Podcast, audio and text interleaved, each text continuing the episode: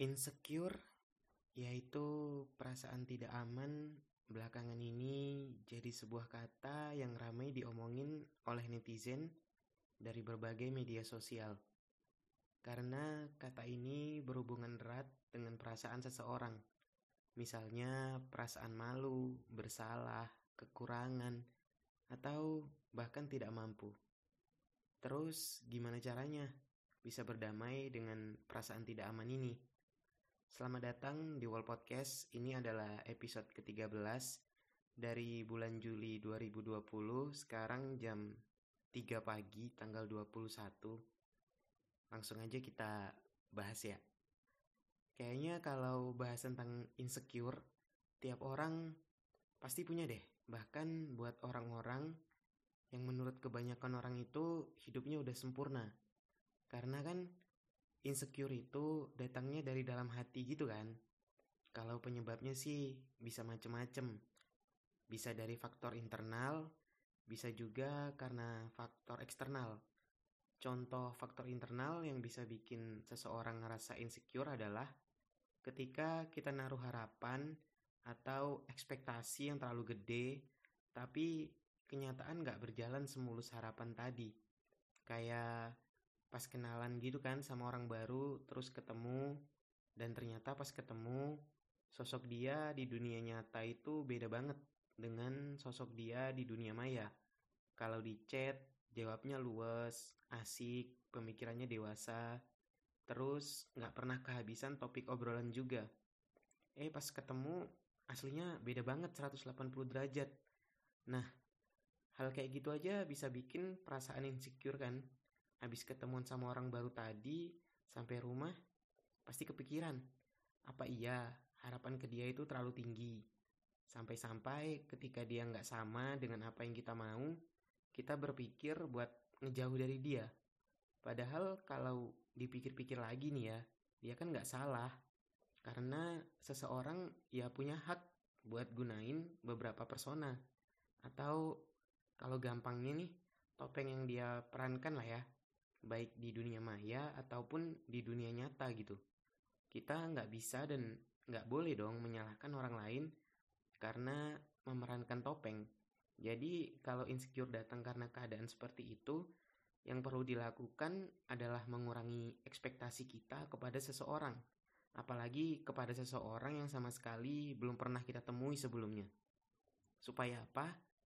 Supaya kau itu nggak ngerasain perasaan insecure karena udah berekspektasi terlalu tinggi kepada seseorang atau sesuatu lah.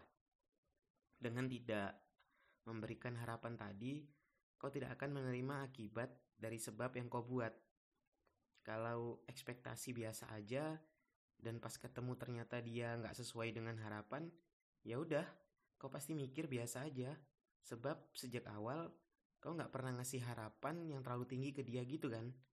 Itu salah satu contoh insecure dengan faktor internal. Sebenarnya masih ada beberapa contoh insecure versi ini kayak insecure karena melihat orang lain lebih kaya, lebih mapan hidupnya, lebih ganteng atau lebih cantik, dan lebih-lebih lainnya. Tapi menurutku semua itu udah diwakilkan dengan contoh yang kuceritakan sebelumnya. Poinnya adalah ekspektasi karena hidup serba lebih yang dimiliki orang lain adalah ekspektasi kita terhadapnya. Toh, kita belum tentu mengenal dia secara personal gitu. Kenapa udah insecure duluan kan? Ya, karena ekspektasi kita ke dia itu udah tinggi duluan. Jadinya, faktor-faktor lain dikesampingkan gitu aja. Padahal aku udah bilang di awal tadi, kalau tiap orang pasti punya perasaan insecure-nya masing-masing. Terus, kalau insecure yang dari eksternal itu gimana? Pernah nggak sih kau tuh dikatain sama seseorang mungkin teman atau anggota keluarga gitu yang menurut mereka itu bercanda tapi bisa bikin diri sendiri kepikiran beneran. Misalnya ada yang bilang kau mirip dengan si Anu atau si Anu lah, si Pulan atau siapa gitu kan.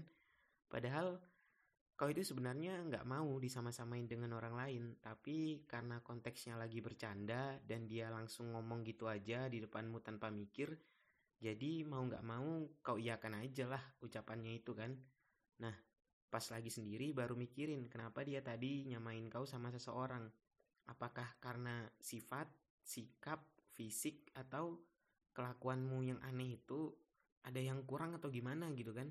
Sampai-sampai kau dibanding-bandingin, disama-samain, dan dianggap mirip dengan seseorang yang bisa aja nggak kau kenal gitu. Karena memikirkan banyak hal tadi, kemudian insecure tuh bisa muncul menyusul pemikiran tentang apakah sebenarnya sebuah hal yang wajar atau enggak, membandingkan antara dirimu dengan orang lain, pemikiran kan nggak selalu tentang hal positif ya. Perasaan negatif juga bisa memuncak ketika kita merasa nggak pantas dibandingkan dengan seseorang yang levelnya tuh berada jauh di atas kita gitu. Sejalan dengan overthinking, lalu muncul insekuritas, Lalu disusul dengan perasaan khawatir berlebihan atau kalau bahasa kerennya itu anxiety lah, bahasa anak muda zaman sekarang ya. Jadinya gimana? Dari obrolan receh di tongkrongan bermula dari bercandaan orang lain, berakhir dengan perasaan gak pantas. Gak mungkin bisa nyamain seseorang di atas kita. Gak berhak buat lihat ke sana karena ngerasa bahwa diri sendiri itu rendah gitu. Gak mau terlalu percaya diri supaya gak dikira GR, dan menganggap jelek diri sendiri. Aku sendiri sih jujur pernah beberapa kali merasakan insekuritas versi ini karena ngerasa bahwa sadar diri itu penting gitu. Tapi belakangan ini ya, setelah banyak memikirkan tentang kekurangan dan kelebihanku, aku jadi bisa mengurangi perasaan serba nggak enak karena dibandingkan atau disamakan dengan orang lain gitu.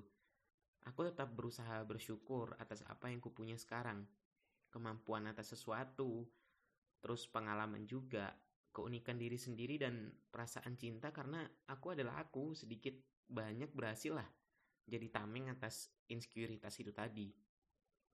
Dan ya aku tahu bahwa di luar sana pasti masih banyak orang-orang yang sedang berjuang gitu melawan perasaan insecure-nya masing-masing.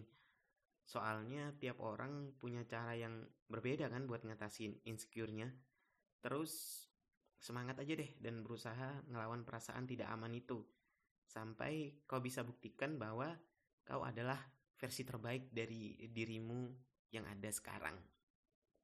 Oke, pembahasannya itu doang sih. Pengen ngepodcast singkat aja, soalnya poinnya udah aku ceritain di ini kan, di video ini yang cerita sebelumnya itu yang tentang insekuritas diri sendiri dan insekuritas orang lain. Jadi ya semoga aja kalian dapat intisari intisari cielah. ya udah makasih udah mendengarkan podcast yang gak seberapa ini buat kamu yang mungkin sudah mendengarkan beberapa episode dan buat kamu yang masih baru denger ya, aku mau minta maaf kalau sampai sekarang masih banyak banget kekurangan di podcast ini. Soalnya ya gitu kadang kan audionya kayak patah-patah gitu. Kadang suaranya terlalu deket dengan mic gitu kan. Ya semoga ke depannya bisa lebih diperbaiki diperbaiki dan jadi enak buat kalian dengerin gitu. Sampai jumpa di episode selanjutnya yang seperti biasa nggak tahu kapan akan ditayangkan lagi. Soalnya ngikutin moodku aja gitu pas bikin ya kan. Selamat malam dan selamat beristirahat